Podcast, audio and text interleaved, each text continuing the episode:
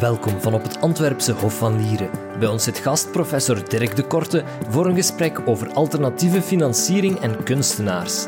Wij zijn Christine en Lothar. U luistert naar Profcast. Welkom Dirk de Korte bij onze Profcast-opname. Um, zou u misschien kunnen beginnen met, met kort te zeggen wat u doet hier op de faculteit? Want eigenlijk weet ik dat niet. Dat is een bijzonder rare vraag natuurlijk. What the fuck are you doing here? Nee, nee, wat ik hier doe, uh, en ik doe het is wel een, een, een, hele pertinente vraag. Ja, sorry. Heeft u even? Nee, ik, uh, ik, geef, ik ben hier trouwens al 17 jaar, dus ik ben er ondertussen ook wel achter wat ik hier doe. Ja, ja. Ik geef hier namelijk les in de Master Cultuurmanagement. Met veel liefde en enthousiasme. Sinds academiejaar 2003-2004. Dus ik ben uh, deeltijds docent. Volgens de site van de UNIF ben ik gastdocent. En dat is een hele mooie omschrijving. Hoewel ik natuurlijk, als je ergens 17 jaar gast bent, dan voelt u ook wel een klein beetje thuis op een duur. Dus ik geef hier één vak in de Master Cultuurmanagement, het vak Financieel Management. Vijf studiepunten. Uh, en dat is dan voor een studentenpopulatie van, uh, laten we zeggen, gemiddeld een vijftigtal. Dat kan soms naar 80 gaan, soms iets minder, dit academiejaar 36 of 38 die het vak volgen. Waarbij ik alles doe wat een andere docent ook doet. Dus ik begeleid die studenten, ik geef les, ik begeleid scripties, ongeveer een gemiddelde van een 5 à 6 per, uh, per academiejaar. En dat kadert zich in een deeltijdse opdracht van 15%. Dus dat is een heel formeel antwoord op de vraag van wat ik hier doe. Wat heeft u zelf gestudeerd? Wat is uw eigen achtergrond? Dat wilt je niet weten. Ja, nu nog des te meer natuurlijk. Jawel, je wilt dat natuurlijk wel weten. Ik heb, een, ik heb gestudeerd wat, een richting die nu als dusdanig met die naam niet meer bestaat, maar toen de hele mooie naam Germaanse filologie had. En ik heb daar eh, theaterwetenschappen gedaan, toen dat eigenlijk nog niet bestond. Omdat theaterwetenschappen eigenlijk een discipline is die dateert uit het begin van de jaren tachtig. Maar ik heb literatuurwetenschap gedaan, dus op een bepaald moment moest je dan kiezen. Dus ik had Engels uh, als major, heette dat toen, en literatuurwetenschap als minor. En ik heb dat dan gestudeerd. Ik heb toen ook nog twee jaar op de universiteit kunnen blijven, hè, als uh, medewerker op het uh, departement Engelse literatuur. En ik, ik heb daar wel het een en ander van overgehouden. Ik bedoel geen enge ziektes of zo, maar wel een ongelooflijke liefde voor theater en voor Shakespeare. Tot grote... Uh, tot, tot, vaak, zal niet zeggen frustratie van de studenten, maar die worden daar regelmatig mee geconfronteerd. Hè. Er zijn twee dingen waar zij ongelooflijk vaak mee geconfronteerd worden en ze worden er ook op voorhand van verwittigd. Dus dat zit ook allemaal oké op dat vlak. Dat is een ongelooflijke passie voor Shakespeare en voor voetbal. En dat in combinatie met financieel management en cultuurmanagement geeft zo'n beetje een idee van hoe ik dat tegenover dat vak uh, kijk. Maar die studie Germaans heb ik dus gedaan. En toen zag ik een advertentie in de krant uh, en men zocht toen jonge universitairen. En ik beantwoordde toen aan beide categorieën. Zowel jong als universitair. En eigenlijk zou ik kunnen zeggen, is mijn leven één groot misverstand. Want op een bepaald moment kom ik dus... Uh, ik, ik, ik, ben gaan solliciteren bij de Bank van Breda in 1985. Uh, en een sollicitatiegesprek. Ik zeg, ja, ik heb Germaanse gedaan. Dus je denkt dan dat je wordt aangenomen om in de personeelskrant te schrijven. En ik, ik, ik, deed dat toen ook. Ik, ik, schreef toen ook heel veel, want ik zat toen al uh, in, in journalistiek. Uh, vanuit Germaanse naar journalistiek is een redelijk kleine stap. Dus ik schreef uh, theaterrecensies en over voetbal in de morgen. En ik deed dat toen ook voor de VRT. Dus ik, ik, ik, ik werkte voor de toenmalige BRT, gaf ik voetbalverslaggeving voor Beveren en Agent. Dus ik dacht, goed, dus die mensen nemen mij aan omwille van mijn literaire en schrijftalenten. Hè? Dus ik zag het eigenlijk wel zitten. En ik kom dus bij de grote baas van de Bank van Breda en die zei van, we gaan nu een opleidingsprogramma volgen uh, rond economie. Want ik wist natuurlijk totaal niet wat economie was in, in, in 1904 of 85. How should I? Hè? En uh, ik weet nog heel goed, in de, allereerste, in de allereerste sessie, dat was echt wel heftig. Dus we kregen een opleiding bij de Bank van Breda van zes maanden. En elke ochtend hadden we echt les. Over van alles. Over waarborgen, over financiële analyse, over balans, uh, ratio's en al die dingen. Dus ik had daar dus nog nooit van gehoord. En ik weet nog in de allereerste les, en ik vertel het ook vaak aan mijn studenten, die ook vaak totaal geen achtergrond economie hebben als ze, die, als ze aan die master beginnen. In de eerste les ging het over afschrijven. En ik dacht dat dat dus was dat als er iemand iets opschreef naast u, dat je dat gewoon afschreef. en, dat, en, en toen snapte ik dat dat dus een term was die in de boekuitwetgeving bestond. En ik zal nooit vergeten, dat waren redelijk frustrerende uh, bezigheden. Hoor. Dus ik was toen, ja, hoe oud was ik? 4, 25. En ik had dus ik had Engels gestudeerd en ik, ik kon ook wel vrij goed Engels. Ik kon hele lappe teksten van Shakespeare van buiten. Nu nog, maar ik kan er totaal niks meer mee doen. En ik wist dus dat ik, dat ik dacht van, ik ga die Economist lezen. Ik vond, ik vond dat, wel, dat, dat, dat dat wel chic stond zo, in een bank, die Economist. En dan bleek je dus dat je bijna tien jaar professioneel of, of acht jaar met Engels als taal bezig waart geweest. En dat je daar niks van begreep. Dus ik kon, ik kon de ingewikkeldste uh, theorieën rond Macbeth uitleggen. Maar ik wist totaal niet wat er in The Economist stond. Dus de learning curve was massive, as they say.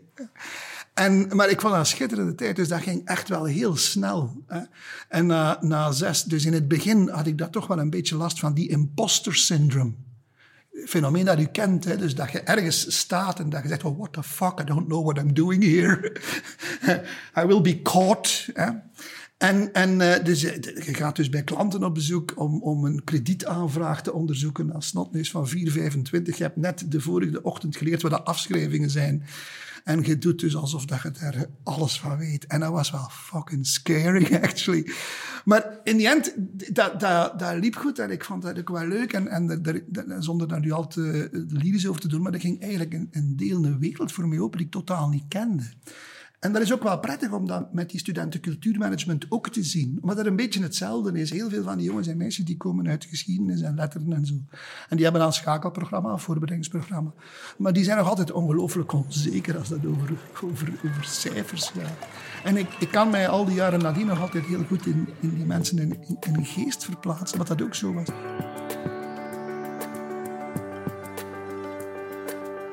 Na zijn periode bij de Bank van Breda kreeg Dirk de Korte de kans om te gaan werken voor BNP in Parijs. Ik, ik kende natuurlijk wel wat Frans, maar als germanist was mijn Engels vooral zeer goed.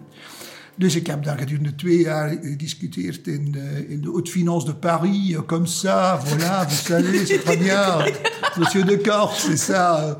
Bon, en, en dat zijn dingen die, die je in je leven bijblijft. En dat was ook een, een, een, een, tijd in de bankwereld toen, was, was ook totaal anders dan nu. Hè. Zeker bij de BNP, dus daar werd dus ook daar werd dus over de middag geluncht, maar dat waren geen lunches, dat waren bacchanalen. Hè. Dus, dus voilà, il faut essayer ce Pomerol de 70 qui est vraiment exceptionnel, dire qu'est-ce que vous en pensez? En dan zo rond een uur of vier gingen ze dan toch die crédits qui sont un petit peu problématiques, vous savez très bien, c'est ça. En, en, en dat was, achteraf gezien, kijk ik daar naartoe, zo'n beetje eh, met een gevoel van, was that me sitting there? Eh, dus maar dat was eigenlijk ongelooflijk. Dus je, je, je leerde ongelooflijk veel. Ook hele ingewikkelde dingen. Ik herinner me bijvoorbeeld bij de BNP in Parijs. Dat was halverwege de jaren... Begin de jaren... Ja, einde jaren tachtig was dat. En ze hadden dus een uh, decret doc, comme on disait. Dus documentaire kredieten in het Nederlands. Dat bestaan nu nog altijd. En ze hadden dus uh, een credoc afgesloten met de Veshnik Econombank. Dat, is, dat was toen de staatsbank van de Sovjet-Unie. En op een bepaald moment kom ik in het kantoor van een baas. Oui, uh, Dirk, que vous parlez un peu de russe, toi. Non, je pas du tout russe, j'en sais rien, moi. Oui, quand même, il faut dire bonjour aux gens, euh, ils sont très bien, qu'on est très content de faire des affaires avec eux, et voilà, voilà, vous pouvez faire ça en russe. Ik zeg, bon, ça en russe, je, je sais pas, moi. Nu had ik een neef, die heb ik nog altijd, die tolk Russisch was. Dus ik, ik, ik ga dus naar mijn neef en ik zeg van André, ik heb hulp nodig. Ik zeg, ik moet gewoon tegen die mensen zeggen dat ze welkom zijn en dat we heel blij zijn om met hen uh, zaken te doen. Hè. Dus ik, ik geef me zo'n tekst met een lijn of vier, vijf, zo, waar ik dus... Uh, heel vriendelijk tegen die mensen zeggen, uh, priveet, en dan nog een hele uitleg die ik niet meer opnieuw ga doen, want je weet dus nooit wie dit programma beluistert natuurlijk. Uh, en, op een en er ontstond een hele discussie in het Russisch. En, en ik zo heel voorzichtig, ja, niet nu Baruski, dat was nog de zin die ik nog nu altijd ken, van ik spreek eigenlijk geen Russisch, maar die geloofde mij niet. Dus er ontstond een hele discussie. En dan denk ik naar mijn baas van, what the hell have I started?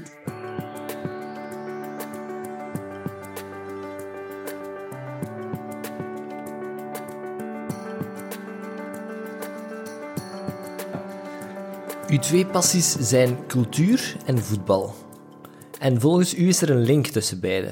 Er zijn eigenlijk drie passies, want als ik die ah, derde passie niet zou hebben, zou ik hier geen les mogen geven. Dat is economie en financiën.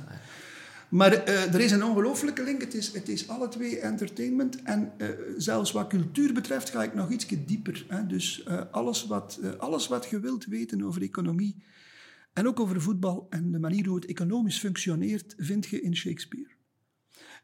Voor een deel zelfs letterlijk in de stukken. Hè, want want de hele, heel veel over alternatieve financiering kun je in The Merchant of Venice lezen. Hoe dat boten worden gefinancierd op een redelijk macabere manier overigens, maar het is iets wat we nu alternatieve financiering zouden noemen. En er is ook heel veel bekend hoe de theaters in de tijd van Shakespeare economisch functioneerden. Dus als je die kennis gebruikt samen met een ervaring die je in de banksector hebt, en je laat jonge mensen kijken hoe nu kunst en cultuur wordt gefinancierd, dan is dat met alle respect veel minder spectaculair dan wij eigenlijk denken.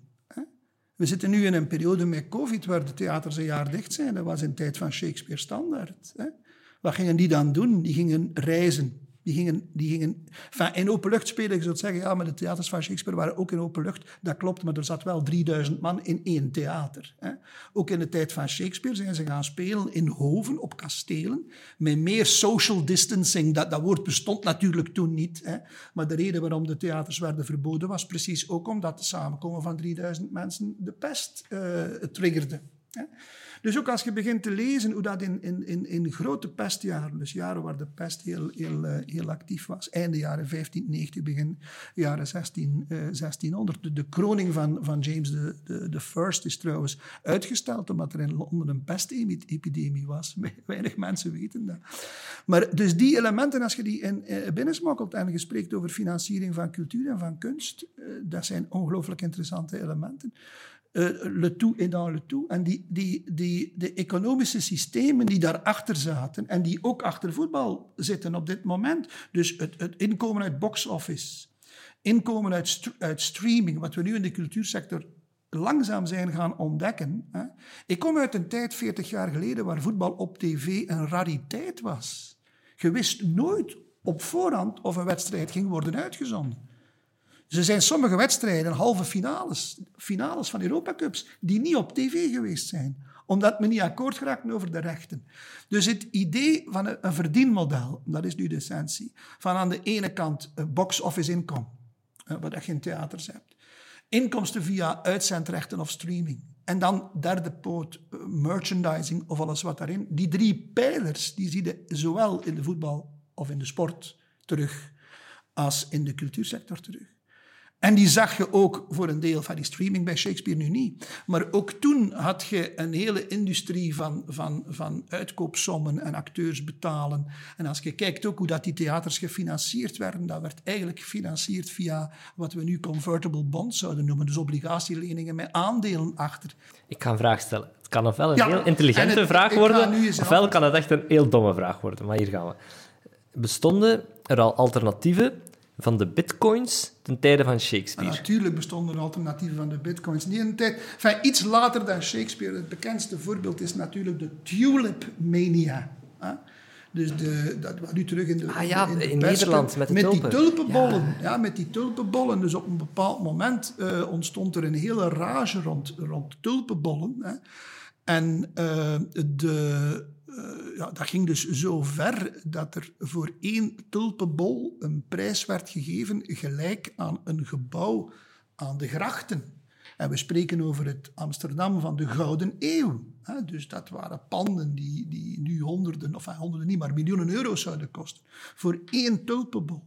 Het ging zelfs al zo ver, en dat, dat is nu ook aan het gebeuren met die, um, met die uh, non-fungible die non-fungibles, dus die, die, die kunst die eigenlijk uh, waar een, een, een, een soort van, wat eigenlijk JPEG-files zijn, maar die worden verkocht als een kunstwerk. Maar eigenlijk is dat dus gewoon een, file, een JPEG-file. Maar daar zit een unieke code op, zodanig dat die traceerbaar is, waardoor het, het kunstwerk uniek is, omdat er die code op staat. En ook dat is iets wat, wat, ik gisteren of, of, een paar weken geleden las in, uh, in, in Financial Times, is dat nu ook daar al derivaten van bestaan. En dat bestond ook met die tulpenbollen, want het stopte niet bij die tulpenbollen. Het stopte ook met de optie om een tulpenbol te kunnen kopen. Dus wat dat ze eigenlijk in de financiële wereld een derivaat noemen. En vervolgens ging het niet meer over tulpenbollen van kijk, dit is een tulpenbol, kijk er eens naar, wat geef ervoor? Maar ging dat over een stukje papier waarop stond goed voor één tulpenbol. En ik parafraseer. En dat werd dat stukje papier doorgegeven. Dus dat was eigenlijk een derivaat. Trouwens, over alternatieve financiering gesproken, en dan, dan gaan we, dat is dan ook niet echt, dat is niet echt Shakespeare, maar dat is Rembrandt. Hè, want ik geef dan altijd voorbeelden van, van, van podiumkunst, maar ook eens een voorbeeld van Rembrandt geven. Uh, Rembrandt, uh, had, uh, Rembrandt was natuurlijk een geniaal schilder, maar had twee problemen die, die schilders wel vaker hebben, dat is vrouwen en drank.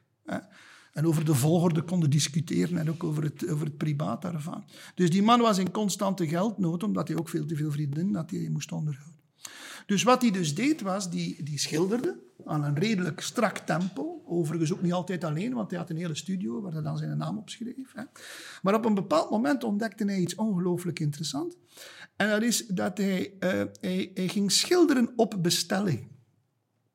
En wat gebeurde er dus uh, in die tijd? Dus uh, rijke mensen. Er waren twee mogelijkheden. Ofwel wouden ze een zelfportret, ofwel wouden ze een, uh, een, schone schilderij. En dan kwam er iemand die zei, ja, een zelfportret, dat moet ik niet hebben, want ik heb dat al. Hè, maar geef mij een schilderij met, met een molen, twee wolken en de zon moet schijnen. Dus Rembrandt die schreef goed voor een schilderij met een molen, blauwe wolken en de zon moet schijnen. En dat papiertje werd vervolgens gegeven aan degene die drager was van een optie op een schilderij. En Rembrandt kreeg daarvoor een stuk geld. Eigenlijk kreeg een stuk geld, hij wou gewoon alles op voorhand betalen. Dat bedrag stond niet op dat papiertje. Dus in feite had jij, gelijk dat je ook als je een aandeel koopt, er staat ook niet op wat dat aandeel waard is. Dus wat gebeurde er? Er ontstond een handel in die papiertjes.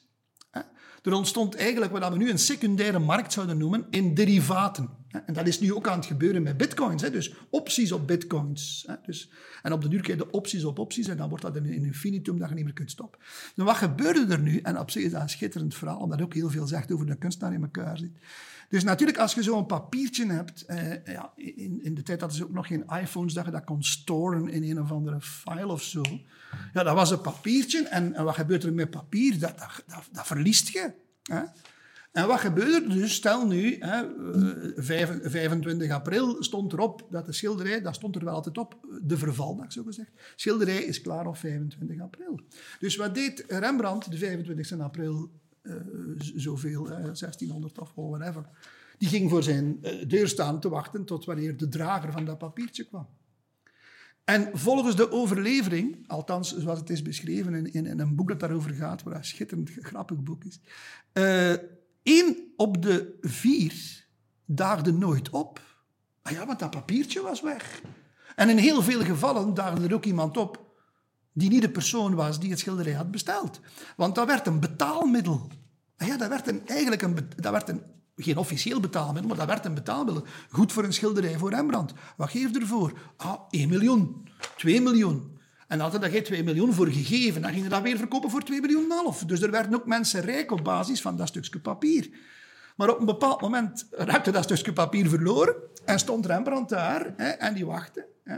En er kwam niemand, natuurlijk de volgende dag, hè, voor de deur van Rembrandt schilderij te koop. Dus waardoor dat hij dat de facto twee keer kon verkopen. En dat heeft hij verschillende keren gedaan. Is dat nu alternatieve financiering? Of oplichterij? Ik vind het vooral zeer goed gevonden. En uh, je zou dus als, in de cultuursector moeten nadenken... Oh, dat is een beetje devious, baby. Maar op zich is dat wel, op zich is dat wel leuk om, om, om hoe dat... Want je speelt eigenlijk, en dat is de wickedness... Je speelt eigenlijk voor een deel ook op de greediness van capitalism mensen altijd maar meer en meer en meer. En, en dat is eigenlijk een heel liberaal model en winst enzovoort. But the ultimate beneficiary is the artist.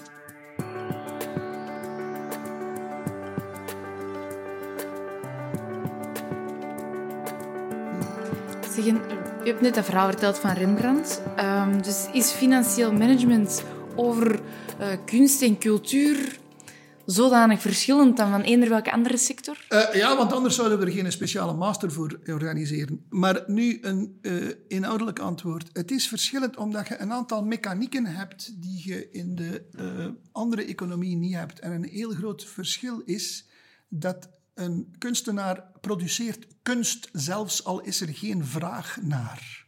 die creëert omdat hij wil creëren. Omdat hij niet anders kan. Het is ook, in die zin, in die zin zijn, zijn kunstenaars zijn heel vaak te vergelijken met schorpioen. Nee, een schorpioen, de fameuze parabel van de kikker en de schorpioen. Een schorpioen steekt. Dat is wat hem een schorpioen maakt. Zelfs al zit een schorpioen op de rug van een kikker en weet hij, als ik nu die kikker steek, dan verdrink ik samen met die kikker, dan nog gaat die schorpioen steken. Een kunstenaar, of dat hij nu te weinig of te veel betaald wordt, gaat altijd kunstenaar blijven. En, en dat is ook het, het, het devious van overheden. Overheden weten dat ook. Dat is ook de reden waarom dat bijna alle overheden, en dat gaat ook niet over de politieke gezindheid, geven altijd net genoeg middelen om te blijven overleven. Maar ook niet te veel. Omdat zij, eigenlijk weten ze ook wel dat het voor een deel werkt zoals de boiling frog. Die gaat nooit zelf uit die kokende pan springen als je dat zachtjes opwarmt. Maar die drang, en dat is ook zeer, dat is iets wat, je ook bij ondernemers wel ziet. Hè? Voor alle duidelijkheid. Dus in die zin, het is ook niet toevallig dat dat hier in deze economiefaculteit zit. En de hele spirit van een ondernemer en dat gedrevene, dat is natuurlijk iets wat een artiest à outrance heeft. Je hebt natuurlijk opdrachten. Hè. En, het voorbeeld van Rembrandt uh, is natuurlijk vaak een schilder die voor een deel zelf geschilderd heeft vanuit zijn eigen inspiratie, maar ook omdat hij een opdracht kreeg om te schilderen. Maar er is dus eigenlijk al economisch een heel groot probleem, omdat vraag en aanbod is niet in evenwicht. Dus dat is een eerste punt. Een, een tweede punt, wat ook, wat ook typisch is aan wat ook het, managen van kunst en cultuur en in zonderheid de financiële consequenties daarvan heel bijzonder maakt, dat is de relatie die een kunstenaar heeft tegenover werk. Dus eh, twee dingen. Een kunstenaar werkt omdat hij graag werkt. En het product zeker bij podiumkunsten heb je dat. Het product van dat werken, die uiteindelijke voorstelling, dat is natuurlijk wel een eindproduct. Maar als je met acteurs praat, wat ze het liefst van al doen, dat is uh, ja, zoeken. In het Duits overigens heeft men het woord repetitie niet. Daar gebruikt men proben. Jetzt proben wir. Wat een schitterend woord is, want daar zit het Vlaamse proberen in.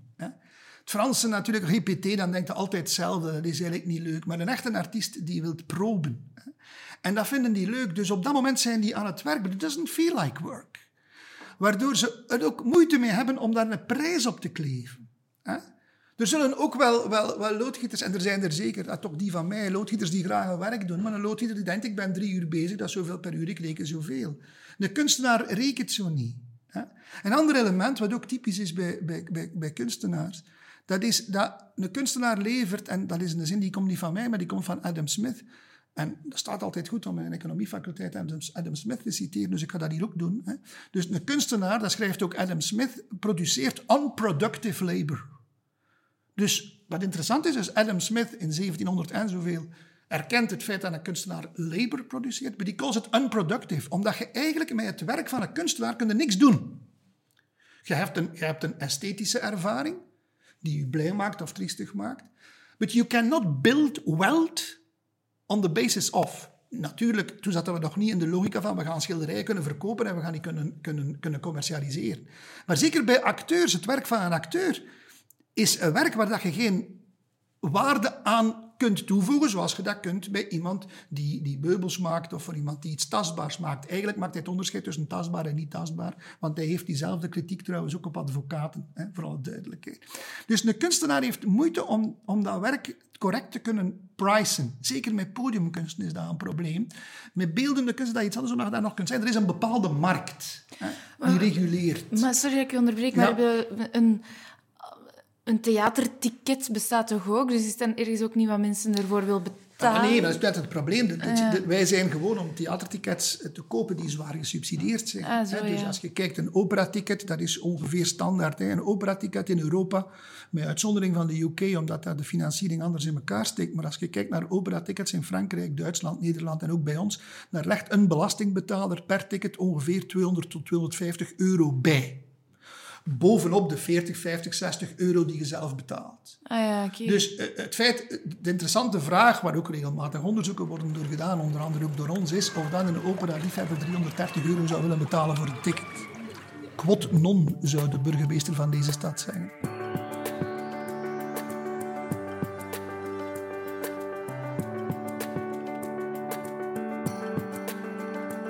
Dirk de Korte kan bedrijfsconflicten enorm fascinerend vinden. Omdat conflict heel vaak als een probleem wordt gezien.